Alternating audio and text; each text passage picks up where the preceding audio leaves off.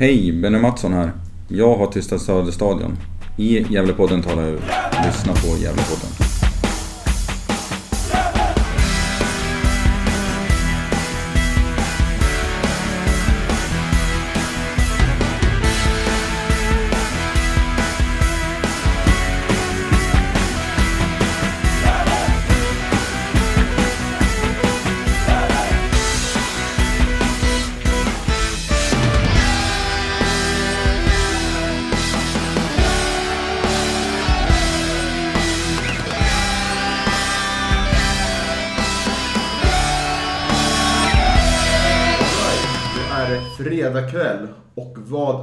Passar inte bättre än avsnitt 200 av Gävlepodden. Och för att hylla vår fina podd, eh, vi gillar ju lite inbördes beundran ibland, det är, är inte helt fel, så har vi en gammal och fin gäst med oss, Hans Karstensen, som har varit med i 127 avsnitt i början av Gävlepodden. Och sen lite efteråt då och då. Och eh, nu med oss eh, ikväll igen. Välkommen Hans. Tack Niklas. Ska bli jäkligt roligt det här alltså. Mm. Hur har veckan varit då? Veckan, ja. Jag, jag eh, hamnade lite i e-post... Eh, e-postdebacle med en kollega precis den här helgen. Det var inte så jäkla bra. Eh, så jag, jag, ungefär som i podden. Liksom, man skriver till Roger Sandberg, förlåt. Sen skriver man till Pelle Olsson, förlåt. ja, eh, så det, det har varit lite så. Men eh, det har varit en bra vecka. Det, det, det, får- det får jag säga. Jag, jag, hade ju, jag var ju förkyld förra veckan och tog ett coronatest, men det var negativt. Då, så att, eh, eh, det, ja, så det, det, det är bra. Nu känner jag mig frisk och eh, kry och sådär. Så att, eh, och så intervjuade vi i Taktikpodden Micke Bengtsson igår. Då, eller jag intervjuade honom. Så det var jävligt kul alltså. Trevlig person. Jag tänkte på det. Du har ju pratat varmt om vår tidigare tränare Poya Ashbagi. Och du har pratat varmt om Mikael Bengtsson. Ser du någon likhet mellan de här två tränarna? Ja, jag, jag ser likhet på det viset att båda jobbar processinriktat. Det här är en process. Vi jobbar, vi lägger den ena byggstenen till den andra. Båda verkar vara bra ledare. Bra på att se människor. Eh, jag menar, Poja var ju sån här som man kände sig verkligen Eh, sedd. Liksom. Det var som att när man träffade honom fem minuter så kände man att den här snubben har jag känt i hela livet. Och då, så tyckte jag det var lite med Micke. Jag, nu har jag träffat honom en gång uppe på vallen där när du var med och eh, när vi TV-producerade inför en sändning där. Men och så, så, så pratade vi. Men man liksom, eh, det känns som att det är en bra, väldigt bra ledare. Och det verkar som att han kan fotboll och... Ja, men, alltså, I taktikpodden har vi pratat med ganska många tränare och man, man inser ju de här duktiga tränarna. De har ju en förmåga att... Eh, ja, men de inser att fotboll är komplicerat. Och, och, men ändå vill de har de en förmåga att berätta hur, vad de vill. Liksom. Och de har en vision, där så här vill jag spela också. Va?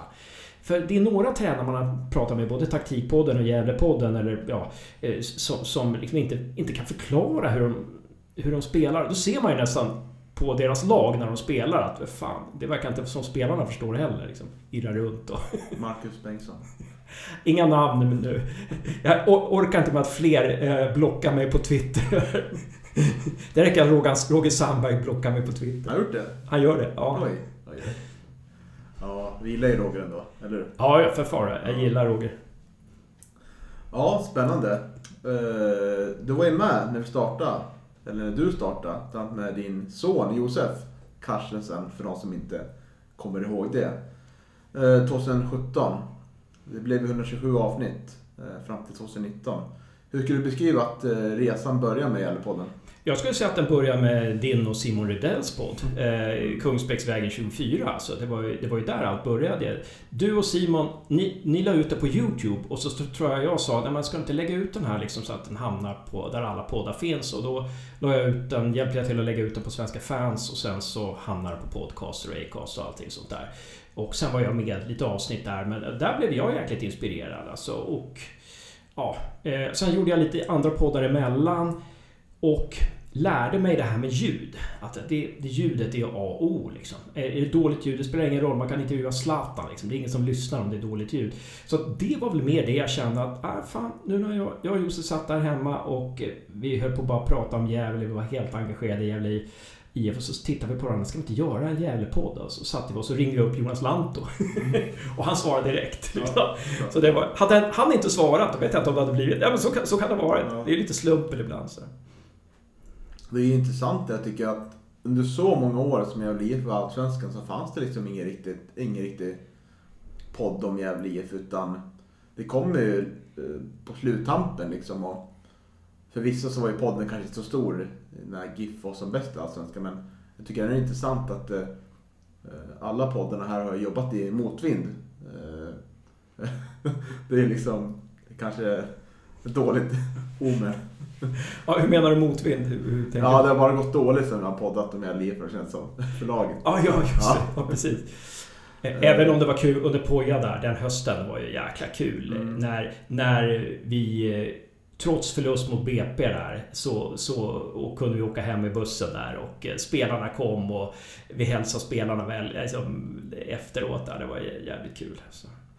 Eh, så den hösten var ju sagolik. Den var magisk verkligen. Alltså. Mm. Vad tycker du var det svåraste under den här resan med Gävlepodden? Ja, svårast? Som med alla poddar, att man måste, man måste hela tiden ligga i framkant och fan, nu har vi ingenting till nästa vecka. Liksom, vad fan gör vi då? Ehm, det är lite lättare med Gävlepodden än Taktikpodden. Gävle, man kunde ändå åka upp på, på, på vallen och sådär. Svårast tycker jag har varit att man vill ju vara kompis med spelare, gamla spelare, nya spelare, tränare, ledare, styrelse och så vidare.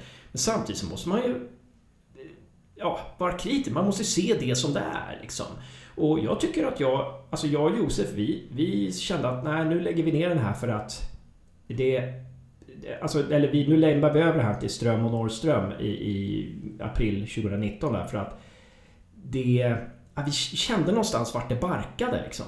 Eh, och vi kände att vi, vi, kan inte hålla på... Nu blir det återigen en säsong där vi bara håller på och gnäller liksom pallar inte det. Alltså det, det. Nu får någon annan ta över och, och, det var nog väldigt bra det. För det, de, de lyckades ju behålla den här positiviteten eh, ändå. Men faktum är att, faktum är att eh, ja, när jag pratade med Kalle Barling där eh, inför säsongen så sa jag att alltså, det, Gävle kan åka ur division 1 alltså. Och det var ju faktiskt, vi klarade inte kontraktet förrän sista matchen alltså. Och det, det, det, var det jag kände på mig. Det här kan bli en riktigt jäkla dålig säsong. För vi spelade mot Vasalund i en träningsmatch. Och det var, det var, vi var så galet dåliga alltså. Vi spelade inte ens på division 1 nivå. Ehm, så att, det är väl det som har varit tuffast liksom. Jag tycker jättemycket om Marcus Bengtsson och, och liksom, alla de här som jag har intervjuat. Otroligt fina människor men, men samtidigt måste man ju vara kritisk. Johan Mjällby hade ju också han ställde upp och liksom, men, men han var ju en kass tränare.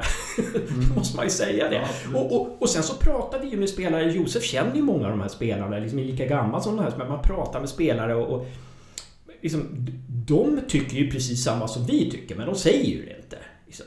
Det är väl Christian Ljungberg som kom ut då och var så jävla besviken. Men han satte ju på det som i princip alla kände. Och det som var intressant tycker jag liksom, genom de här åren, det är att mm. eh, har ju lyckats hålla den här balansen ändå att, att ni har, var inte anställda av GIF på något sätt. Ni gjorde det på delbasis och framförallt ni var supportrar. Mm. Och drevs av en vilja att eh, förstå Gävle IF mm. från de här åren. Och då kommer den intervjun som säger, Christian Ljungberg, liksom, förstå liksom, vad var det som gick snett med det här laget i Superettan. Ett av de bäst betalda i lönemässigt kom det fram. Precis. Vad var det som gick fel? Ja, det ska inte kunna hända och ur. Fjärde, fjärde högsta budgeten tror jag i Superettan. Ja. Och då måste man ju liksom ställa de här jobbiga frågorna. För om inte, om inte supporten gör det mm. så kanske man inte gör inuti förening heller för att det, det kanske är svårt att ställa de frågorna. Och där, där, tycker jag liksom, där tycker jag någonstans så tycker jag att där tycker jag att, att, att styrelsen ledningen blundade för verkligheten. Det är väl klart att man hade ju sparkat väldigt många tränare. Nu i efterhand har man ju förstått att Roger Sandberg, han var ju, han var ju bakbunden. Han fick ju inte spela sin fotboll liksom. Han... han, eh, han så det var ju väldigt mycket sånt där som kommer fram också. För att, eh, eh, men, men, vi hade ju sparkat så många tränare och tänkte att nu, nu, kan, nu kan vi inte sparka fler tränare, tänkte man. Tänkte de.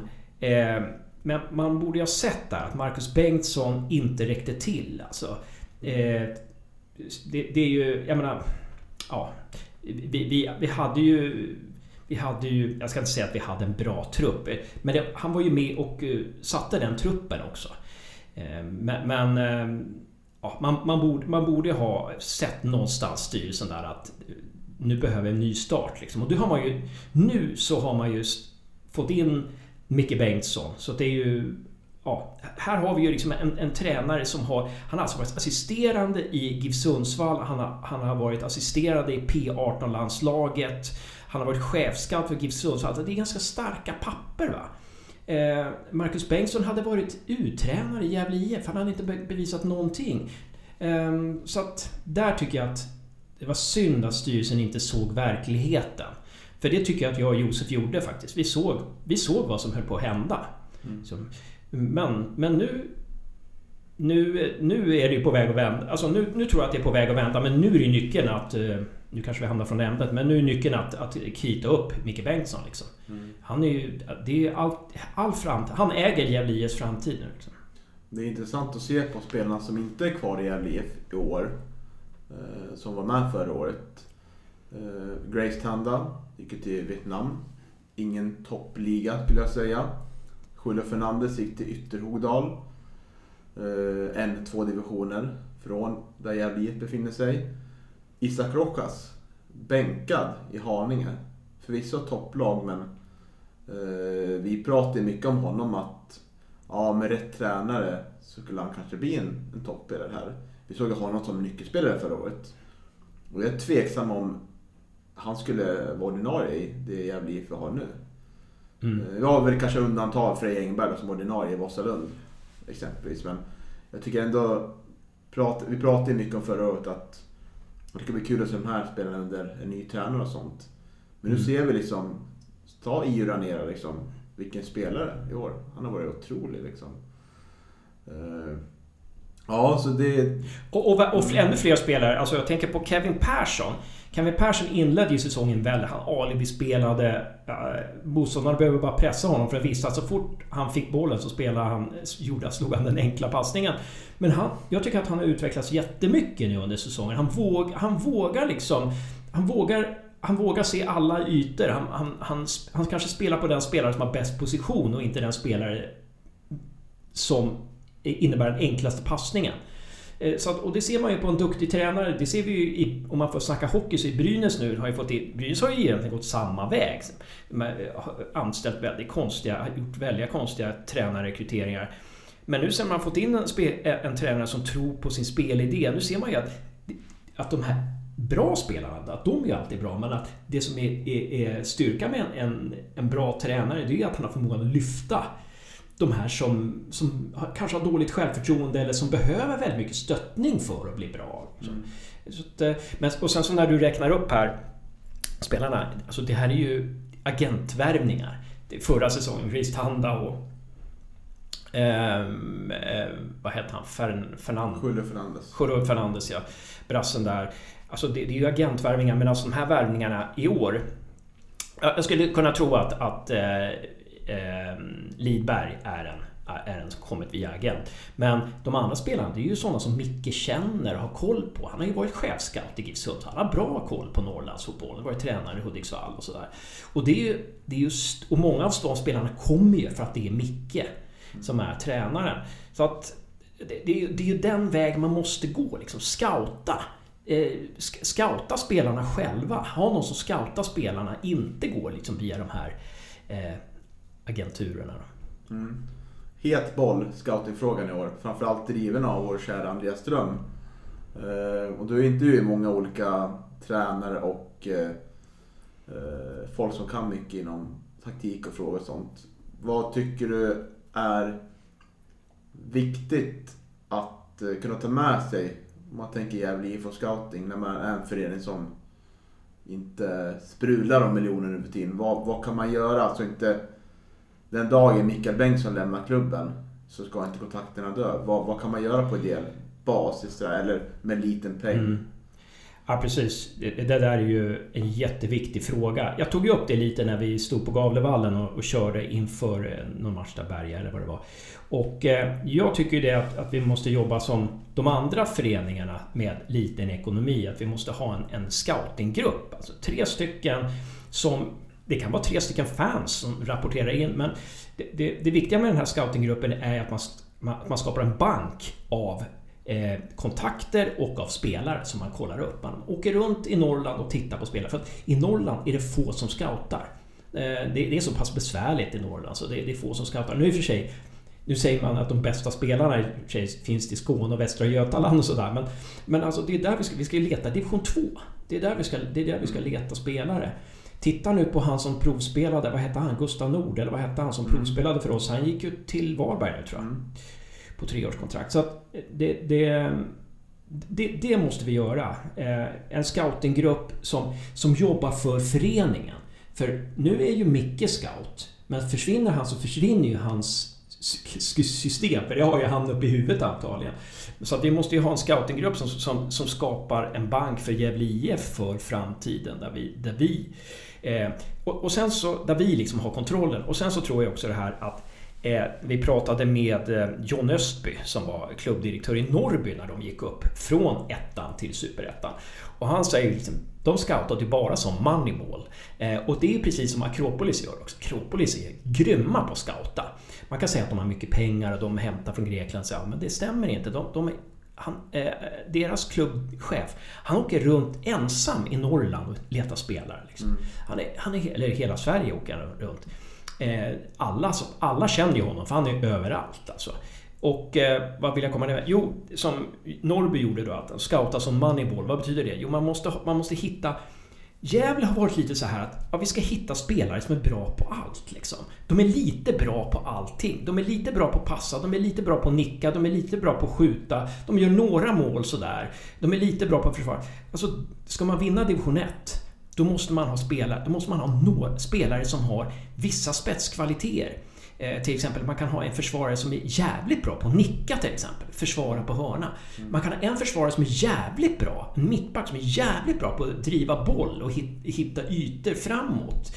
Eh, man, man kan ha en, en en mittfältare som är otroligt bra på att servera bollar till en nia eller, eller fungera som pocketspelare eller, eller man kan ha någon som är väldigt, har väldigt bra distansskott. Va? Man måste hitta de där som har en, väl, som har en, en exceptionell talang. Eh, det, det, är ju det som är, det är, det som är nyckeln. Liksom. Mm. Jag tänker mig att det var ungefär likadant under Pelle Olssons tid. Det var ju Pelle som, som hade det stora kontaktnät. Så det är ju en otroligt stor utmaning. Eh, oavsett eh, vilken tränare vi har haft de här genom åren. Mm. Det var ju någon som sa, jag tror det var under Gävlepodden, det var någon som sa att det var, Pelle skulle ju naturligtvis varit med i rekryteringsprocessen. Pelle skulle ju ha eh, varit med och lämnat över och, och, sånt där. Pelle skulle ju ha byggt upp en bank liksom så att när Pelle lämnar så var allting klart. Mm. Eh, det var lite så här att man var lite naiv eller blåögd eller oerfaren liksom, att, hur, hur, vi ska jobba. Mm. Jag tänker vi kan återkomma lite till eh, jag har tänkt på många fina avsnitt i podden när du är med. Du har nämnt själv Christian Ljungberg att det var otroligt liksom eh, fin intervju för att se hur det var i LIF under det här året liksom. Men jag tänker framförallt på intervjun med Hasse Bergen.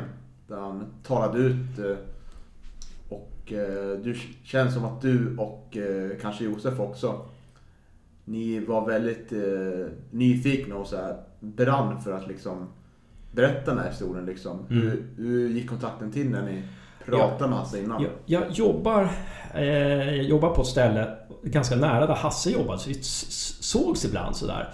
Och så har vi samma, samma förnamn och sådär också. Så vi, man bondar lite med det. Det är ungefär, det är ungefär tre personer som heter det i Gävle.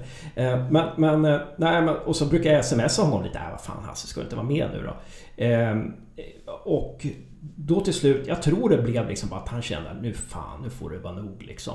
Jag tror att han kände liksom lite precis som vi, att när det gick dåligt att... att eh, ja, han hade gått till sidan, gått till sida, gått åt sidan så var liksom, han blev också som ett fan nästan. Fan, nu vill jag säga min mening, liksom, hur, hur det var. Och eh, han fick ju... Vi körde det i två avsnitt och så... Han fick ju lyssna som alla har fått göra liksom och sådär. Ja, den, den var jäkligt...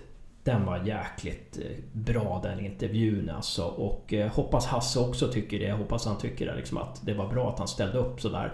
Eh, för han gav ju väldigt mycket av sig själv och hoppas liksom... Ja, det blev ju ett väldigt eko kring den där kring den intervjun då och sen pratade vi med, Det var ju framförallt Per Lagerström som fick sina fiskar varma där. Hur var reaktionen från han då? Han, det, han och hans kompisar tyckte ju inte att det var så himla bra.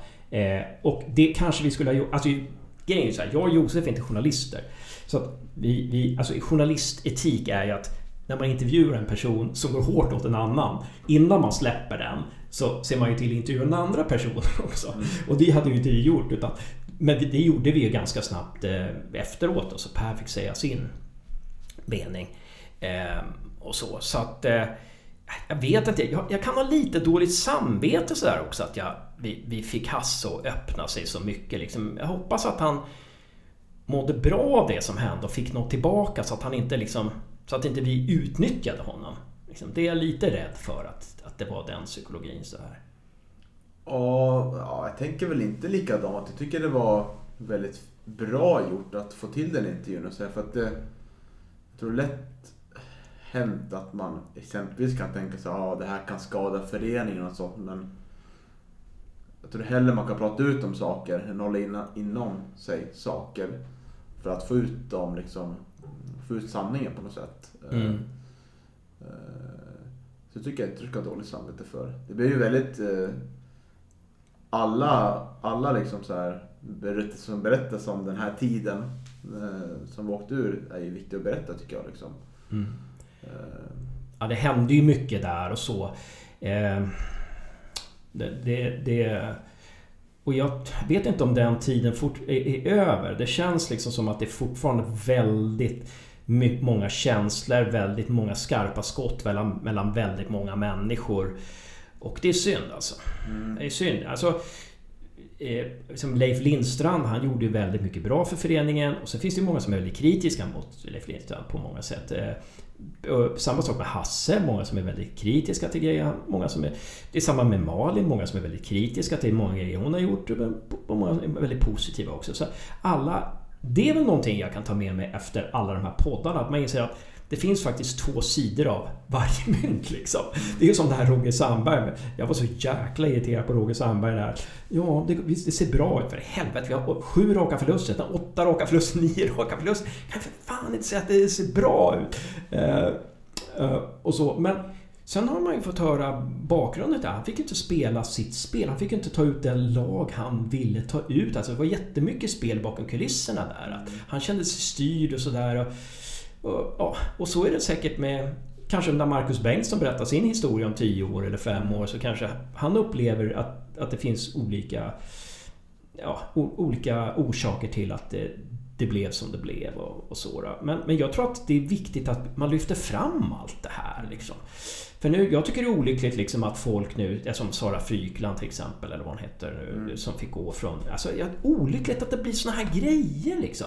Och så artikel i Expressen, alltså så här får det inte vara. Alltså, det, det, måste, det måste finnas en förståelse och en öppenhet i en förening. Alltså, det, det, det, ja, det blir så att det blir en slags bitterhet som aldrig tar slut. Liksom. Äh. Man håller på att anklaga varandra mm. fram och tillbaka. Och på något sätt måste man kunna släppa och tala öppet om det som varit. Att det här var vad som hände så här och nu försöker vi gå vidare liksom. Och jag tror att det är så mycket lättare att älta när det går sämre och sämre. Som förra mm. året liksom på väg ner liksom till ja. det som kändes var liksom att ja, nu är det slut på det hela. Ja, precis, nu är det slut på precis, det här precis, precis, precis, Nej, det, det, Råshöjdens spekor på det här.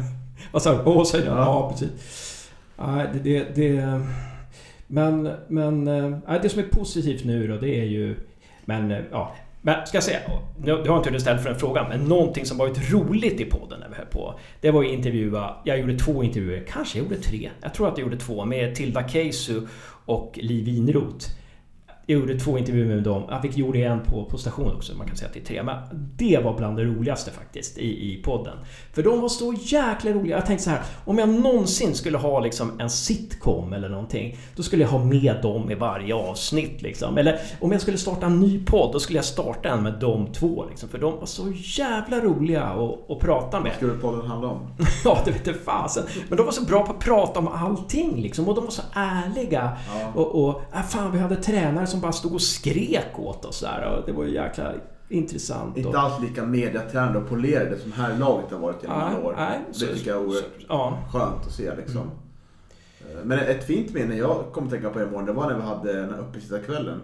Precis där vi sitter nu hemma i mitt kök. Just det. Och eh, då hade både Roger Sandberg och Johan Mjällby med samma Hade vi. Hasse också med då eller? Eh, Han var nog inte med då. Nej. Eh, Vi ringde upp Roger Sandberg och Johan Mjällby. Ja, just det. Eh, Och Johan Mjällby var i Spanien tror jag. Någonting. Ja, precis. Det var typ veckan efter han hade, en två veckor efter att han blev klar. Ja. Och det som var finare var att vi hade ju pratat med Roger Sandberg någon vecka innan och sa att ah, vi, är uppesittar- vi gör en uppesittarkväll här. Vill du vara med? Ja visst. Där. Jag har några kräftskivor om det går bra. Så, och sen när du ringde upp han, då var helt såhär, han hade glömt bort det tror jag. Han kände inte igen det. Men ändå så tog sig tid liksom. Ja. Och eh, var ganska öppenhjärtig med att ja, värvningen av Anders Båt och Robin Nilsson Minnerfeldt kanske inte var så bra och sådär. Och, och det har gjort att jag har respekterat honom för hans, hans gärning i klubben. Även fast han ja, delvis kanske var en del vi åkte ur Allsvenskan. Men han vågade spela sitt spel och eh, var ärlig med det. Liksom, Mm. och var ärlig med varför det Mm. gick som det gick. Och, Mm. eh, så det tycker jag var, det var, den har etsat sig fast i mitt minne. eh, Den, den Ja, kvällen faktiskt. ja, ja, precis, precis. Och så oerhört fin livepoddkväll. Den var ju betydligt mycket trevligare än den på Bro- Broburger Bar där ingen hörde Ja. vad vi sa. Nej, vad fan. Nej, det var, det var inat. Men ni fixade ju till där. Ström hade ju någon kompis när ni fixade till. Det var väl i slutet på förra året va? Mm. Eh, när, ni, eh, när ni fixade till från järnvägskrogen där. Då, då, då blev det ju jäkligt bra ljud. Mm. Vilken tycker du har varit lättast att intervjua? Har du någon eh, person som etsat sig fast? Apoya var ju fantastiskt bra. Eh, en som var lite svår var Anton Lantz, kommer jag ihåg. Han var lite svår där. Eh, Hymmet kanske inte heller var sådär... Eh, men men det var ju de här två tjejerna var ju väldigt bra. Eh, åh, vad kan det vara mer? Hasse var ju intressant att snacka med. Eh, Ja, alltså, innan jag svarar på den frågan så någon som jag är tacksam för det är ju Hanna Sundin för det var hon som ledde in oss på hon gick till Sandviken och så kom tillbaka till Gävle nu. Men, men hon ledde ju in oss på det här damspåret. Liksom. Mm. Nu får ni fan komma upp hit. Nej, hon kanske inte sa så, men nu får ni komma upp hit. Och så gjorde vi det. Det, det var jäkligt kul alltså. Eh, men jag ska se om jag kan komma... Jonas Björkman var väldigt eh, kul att prata med. Jesper Björkman. Jesper Björkman. Jonas Björkman. Och jag sa alltid Jonas Björkman och Jag sa alltid Jonas Björkman till honom också. Josef liksom knuffa på mig där. Ja, Jesper Björkman. Ja, men han var... Han var han var väldigt rolig. Sen, sen var det ganska roligt för Josef har ju spelat med Adrian och eh, Albin. Så det var lite roligt. Vi, det var ett ganska kul avsnitt. Vi satt uppe på Gavlevallen och snackade efter en träning där och vi pratade om gamla tider och DM-final. De slog ut... De spelade ju Brynäs då och slog ut Gävle IF i semifinalen. Och sådär, så att, eh, ja... Det var en ganska rolig. Men jag kanske kommer på fler. Eh, Jag tror jag skrev till Josef här. eh, Faktiskt smsade om han hade någon så här. Eh, Han, han, han, han kom ihåg podden Efter Öster. Eh, Det var ju den här våren när vi bara förlorade och förlorade där ett, efter ett tag. Eh, Det var ha- Josef, jag och Viktor Ness. Vi satt där uppe. Och eh, då var det ju faktiskt saker... Då var det faktiskt folk som hörde, hörde av sig. Du måste klippa om den där podden. Jag kan inte säga de där sakerna. Så då, då klippte jag faktiskt om den där. Ja, det fanns ju Ehm. några känslopoddar kan man säga. Ja, det fanns ju det. Och sen så var det att Josef kom, kom på här... ehm, eh, att eh, hans, Josef sa ju att han ville ha in Poja innan Poja ens blev ledig där. Så det var ju rätt intressant. Eh, eh, och sen så var ju några borta... Vi var ju till Varberg och spelade in en podd där och det var lite kul. Då fick vi väldigt bra kontakt med Jörgen Wålemark till exempel. Eh, för han tänkte, fan, är ni så jävla dumma så att ni åker 70 mil liksom, för att titta på en fotbollsmatch? Ehm, ja, eh, lite, lite visste man ju då att Varberg skulle spela Allsvenskan. Ja, häftigt. Några år sedan. häftigt. Ja, många fina minnen. Uh, ska vi komma lite på uh, dagens IF då? Eh, vad, har, eh, vad har förvånat dig i år? Eh, vad har förvånat mig i år? Det var en bra fråga. Jag visste ju att Markström skulle vara bra. Jag tror att han har varit bra för lag. Jag tror att han har varit den där pappan som vi saknade. Jag, jag tror att, om jag ska börja ett, ett språng. Jag och Josef pratade för några timmar sedan om det här med när vi åkte ur Superettan där. Eh, eller åkte ur ska jag inte säga. När, när vi räddade oss kvar där med året med Poja. Där tror jag att Ehm, det var tufft i början där. För Thomas och sådär. För laget hade ingen pappa liksom. Eh, vi, vi, och det saknade vi lite förra året också. Så att det, det tror jag att Markström eh, är superviktig alltså. Eh, någon som förvånar, Axel Norén växte ut. Han var så jäkla bra. Jag bara kände att oj, oj, oj, någon kommer ta honom. Och det, det gjorde de ju. Alltså, Kalabane tycker jag har spelat upp sig. Det har förvånat mig att så många har spelat upp sig. Eh, Calabana som var en säkerhetsrisk. Man undrar liksom vad, spelar han för andra laget ett tag? Men eh, han, eh, han, han tycker jag har gått från klarhet till klar, klarhet alltså. Och eh, han, han, eh, han, får använda, han får använda det han är bra på. Ehm, Han har stolt stått och försvarat den här podden. Match efter match tycker jag. vad, vad sa du? Jag har stolt försvarat honom. Ja, du har gjort det? Ja, men bra. bra. Ja, men bra. Ehm, ja... Någonting. Alltså jag, jag var lite förvånad över att vårt... Att vi, vi anföll med så få spelare i början. Anfallsspelet var väldigt dåligt. Vi var ju dåliga på att göra mål alltså. Eh, men... Eh, men eh, det, har, det är ju någonting som, som har ändrats nu. Jag menar, det upptäckte man ju i de här senaste matcherna. Det var ju varit 4-5 spelare i straffområdet alltså när inläggen kom. Förra året då var det ju bara Grace Tanda i princip som var där. Om man var där.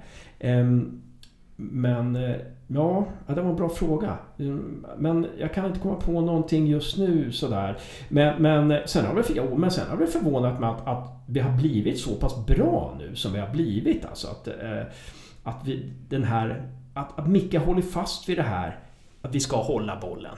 Mm. Eh, Det, det, det har ju Ja. betalat sig alltså. Jag ställde ju frågan till honom senast där, senaste podden, 199. Att eh, hade du någon gång under resans gång, eh, när det gick lite tungt där, tvivlat på din spelidé och sånt. Men eh, han sa att han inte gjort det, utan han hade bara justerat lite eh, sådär. Och, det tyder ändå på att man, man tror väldigt mycket på sin spelidé och, och är envis som tränare. Och, Mm.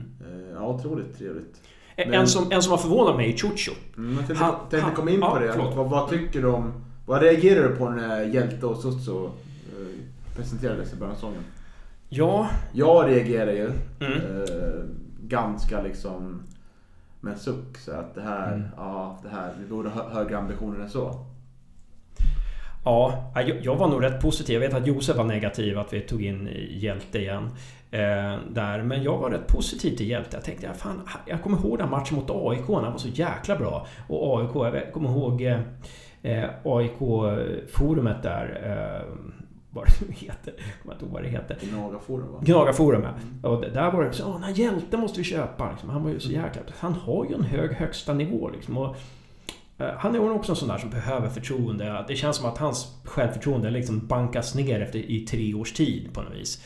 Eh, det var ju någon match där, där, vi, där vi förlorade.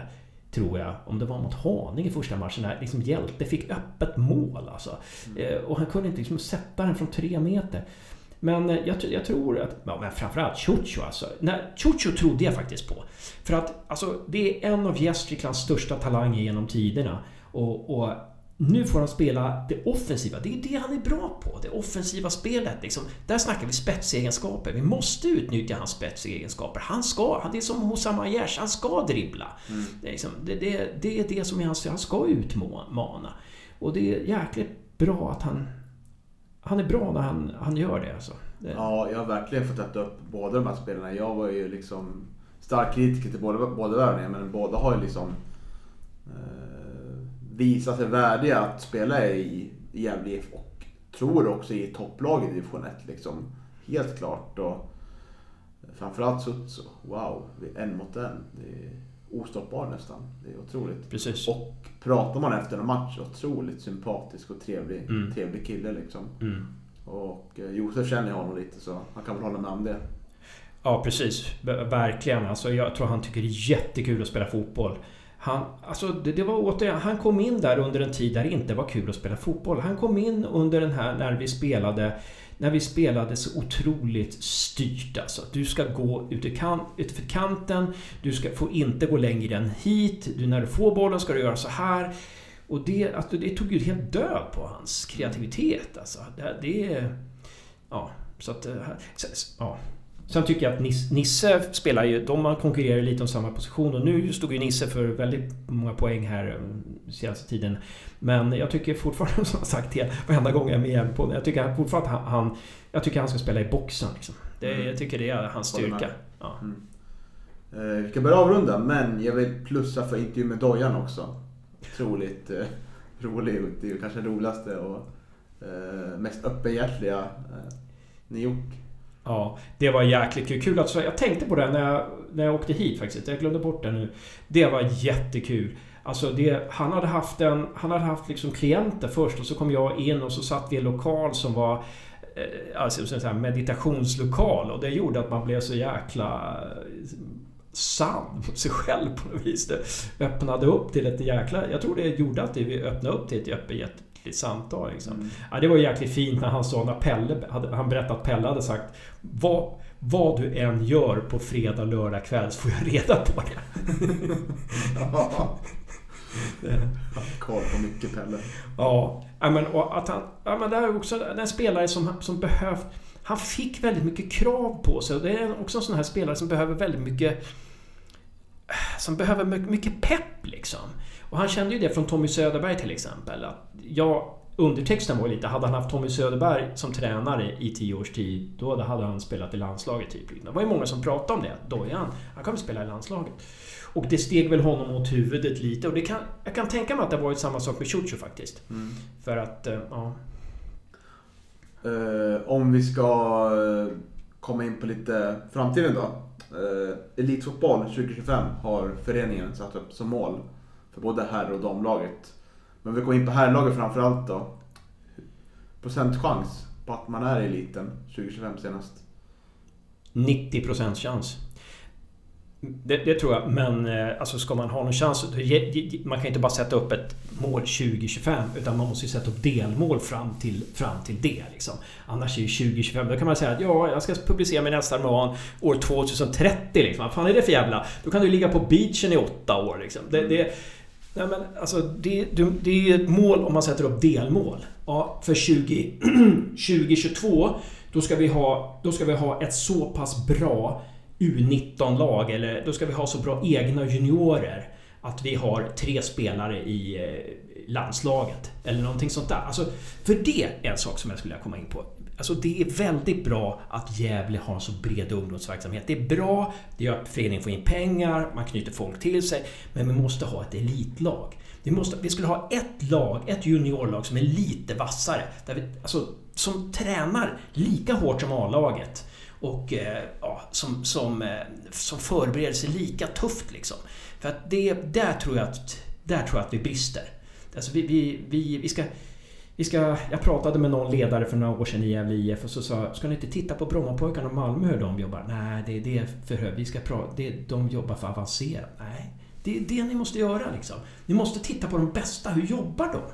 Vad fan, ni har, vi har en så stor ungdomsverksamhet. Okej, vi har upptagningsområdet är inte det största, men... Och Norrland är inte starkaste regionen, men... Vi måste satsa på ett sånt, eh, ett, ett sånt juniorlag liksom. Ett sånt eh, lag under vårt A-lag. Som kan, där vi kan slussa in flera spelare varje år. Liksom. För att, eh, let's face it, och det måste ju alla i styrelsen och alla som är nära Gävle IF eh, hålla med om att det är ju...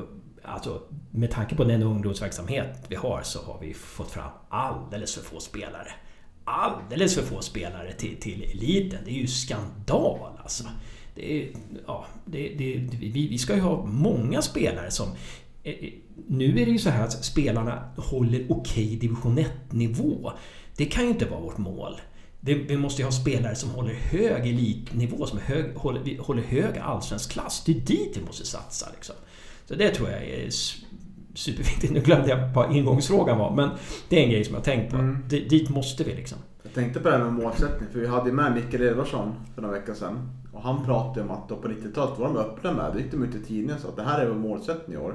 Nu är allt väldigt hemligt. Mm. Så det är svårt att veta liksom vad, vad delmålen är fram till det här. Mm. Utan man får spekulerar lite själv att ah, mittenplaceringen kanske är bra och nästa år kommer vi ta lite steg så. Men mm. Det är inget bra för sponsor, gentemot sponsorer, fans och media att vara så otydlig. Liksom. Det är också lite det här hemliga Gävle. Liksom. Det här, ah, vi, ska inte, vi ska inte slå oss för bröstet. Där. Men jo, vad fan, det är det ni ska göra. Titta på den här arenan. Folk som vi pratar med i taktikpodden, de säger fasen vilken arena. Liksom. Folk som tränar, tränare som jobbar i lag högre upp. Liksom. Tänk att få jobba på den där arenan. Med, med den där, de där faciliteterna. Liksom. Det är, vi har så många ungdomar och den här arenan, vi jobbar i en, stor, en stad som är större än Kalmar. Ehm, jämförbart med, jag tror kanske större än Borås också. Så, så alltså där, det, vi, ehm, vi, och, men i alla fall, vi måste ta fram, fram en plan hur vi ska jobba med de här eh, åren fram till 20, 2025. Eh, liksom Andreas Dahlén Andreas Dahlén var med lite i början av vår podd och han var väldigt bra tycker jag. Men jag reagerade ju, och det har jag ju tagit upp några gånger, när, när någon ställde en fråga på Youtube där när ni hade inför någon match. Eh, hur, hur ser scoutingen ut? Ja, vi är nöjda med den trupp vi har, säger Andreas Dahlén och Micke har koll. Nej, men alltså, scouting, det är ju någonting man måste hålla på med kontinuerligt. Det, det, det, är så, det är så man bygger mot 2025. Att nu startar vi, en scoutinggrupp. Nu, nu jobbar vi stenhårt med att få till det här, det här juniorlaget, det här, un, det här tipselitlaget precis under A-laget. Så där vi slussar in spelare, eh, ja, både damer och herrar. Liksom. Eh, och, och ehm, ja, det, alltså, jag skulle vilja se de stegen. För det finns ju ingenting... Just nu så, så känns det... Ja, det är lite för hemligt, för mycket mellanmjölk och så blir jag orolig när jag läser Expressen. Att några anmält föreningen alltså. Det, det är inte bra. Eh, upp med... Tvätta byken liksom.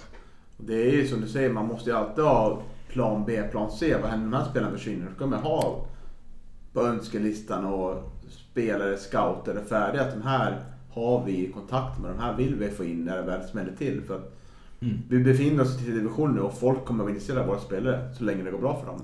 Verkligen. Albins kontrakt går ju ut och han, just, han hade ju eh, ja, blickar på sig från Östersund till exempel. Så att det, det, det, det... Och det är ju intressant. Där, där, får vi en, där slussar vi iväg en spelare till Allsvenskan i så fall.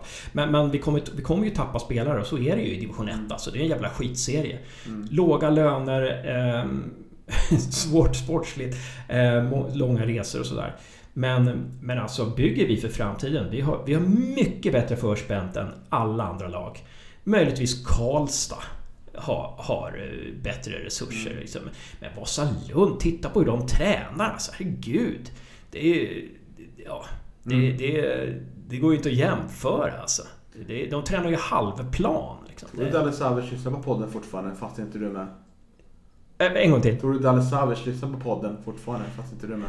Eh, ja, hoppas det i alla fall. Vi ska prata med honom nästa vecka i taktik, taktikpodden faktiskt. Nu får du ställa den frågan. Ja, precis. Om det blir bättre. Ja, precis. Eh, damlaget måste vi ta såklart. Mm. Det var dåligt formulerat av mig. Klart inte. De ska glömmas bort. Har ju sagt själv Liv Winroth för några veckor sedan när vi intervjuade henne och Lovisa Lennartsson att det här är det bästa GIF hon har spelat i. Och det har ju varit ett problematiskt år får man minst sagt säga med Corona och tränaren som valde att lämna.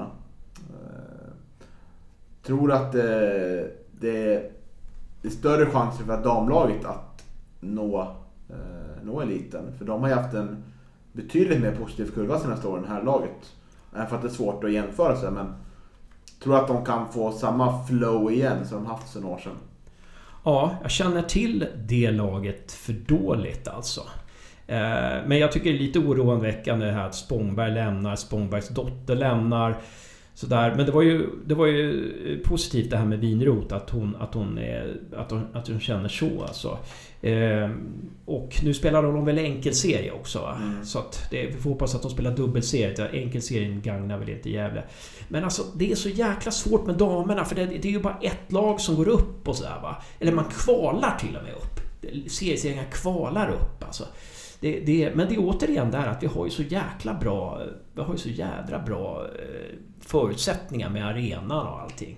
Så det borde ju, det borde ju kunna gå. Alltså.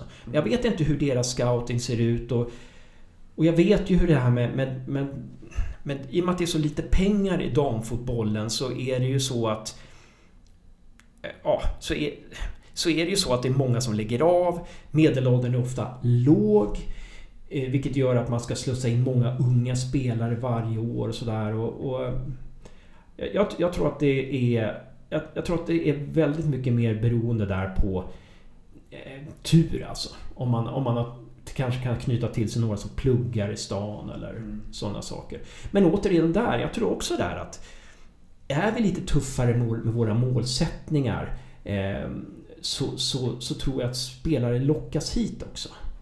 Som man, man, man tänker på när Poja kom. Alltså det, var ju, det var ju folk som... När, när, när, de, när Poja jobbade den hösten och de hade... Det var ju tränare som sökte sig till Gävle IF och ville jobba som ungdomstränare i... Gävle var jättehett alltså. Och det, vi måste dit igen. Eh, tror jag. Och då kan vi komma, men, men då måste vi hitta steg fram till 2025 då. Men ja, det är jättesvårt att säga med damerna. Jättesvårt. Jag har då för dålig koll på dem just nu. Jag ber om ursäkt. Alltså, jag hade bra Mm. koll på dem för några år sedan. Dahlén ska kliva in och ta efter med sportligt ansvar. Sa han i en intervju med GD häromdagen. I hela föreningen eller? Ja, kring damlaget verkar det som. Eh, Så vi får se om det innebär något mer Mm. i praktiken. Jag tänker att vi kan börja avrunda här. Otroligt trevliga avsnitt 200. Eh, tack för att du ville vara med Hans. Tack ska du ha Niklas. Bra jobbat med allting. Mm. Det är helt grymt att ni fortsätter hålla på. Alltså, tack för äran att bli inbjuden. Mm. Vi hänger på och eh, nu blir det två poddar i veckan ibland. Eh, nästa vecka ska vi släppa videopodden med Benny Mattsson till alla som inte är Patreons. Alla snåla personer med andra ord. Nej då. Vi gillar alla som lyssnar på podden. och, men nästa vecka ska vi även träffa Io Ranera och ha en inspelning som vi lägger upp på Youtube. Det kommer vara på spanska, men vi ska ha subtitles på svenska. Kanske ett annat språk om man vill ha. Kanske eh, något för Brynäs mål. Du bor ju på Brynäs. Alltså, så. precis. Ja, nej, Har Brynäs du någon fråga till EU? Ja, jag har en fråga till. Ja, Vad var det som gjorde att, men det kanske han har svar på. Vad var det som gjorde att han eh, lämnade Haninge för eh, Gävle IF? Eh, hur var, hur, hur, på vilket... eh, eh, på vilket sätt spelar Han... Visst var det Haninge han var ja? Eller vad var han innan? Mm, Ja, det var något svenskt. Nej, vad fan. Nej, jag blandade ihop med Rojas. Ja. Men, men vad, vad kom han ifrån från, från för klubb? Var han bara kontraktslös? Ja, eller? Spanien tror jag. jag. tror Han var i Spanien, han var iväg i Spanien. Barcelona. Fostrad där. Jo, jo, men vad var han i för klubb emellan här och mellan förra säsongen och den här säsongen? Nej, men jag tror han efter Gävle IF förra året vart han har varit kvar i Spanien Ja. där. Okej, okej. Men, men han provspelade för Örebro vet jag. Förra Det stämmer året. ja. Ja, just det. Precis, Så vad är för skillnad på Örebro och Gävle då? Mm. Både som stad och som klubb Det och jag spelsätt. på. Jag har bott i båda. Ja, just Jag har dock inte spelat Örebro eller Gävle IF. det Nej. inte för sent än kan jag säga då. Ja, men vi ska vi nöja oss så? Det gör vi. Yes. Tack och bock. Tack så mycket.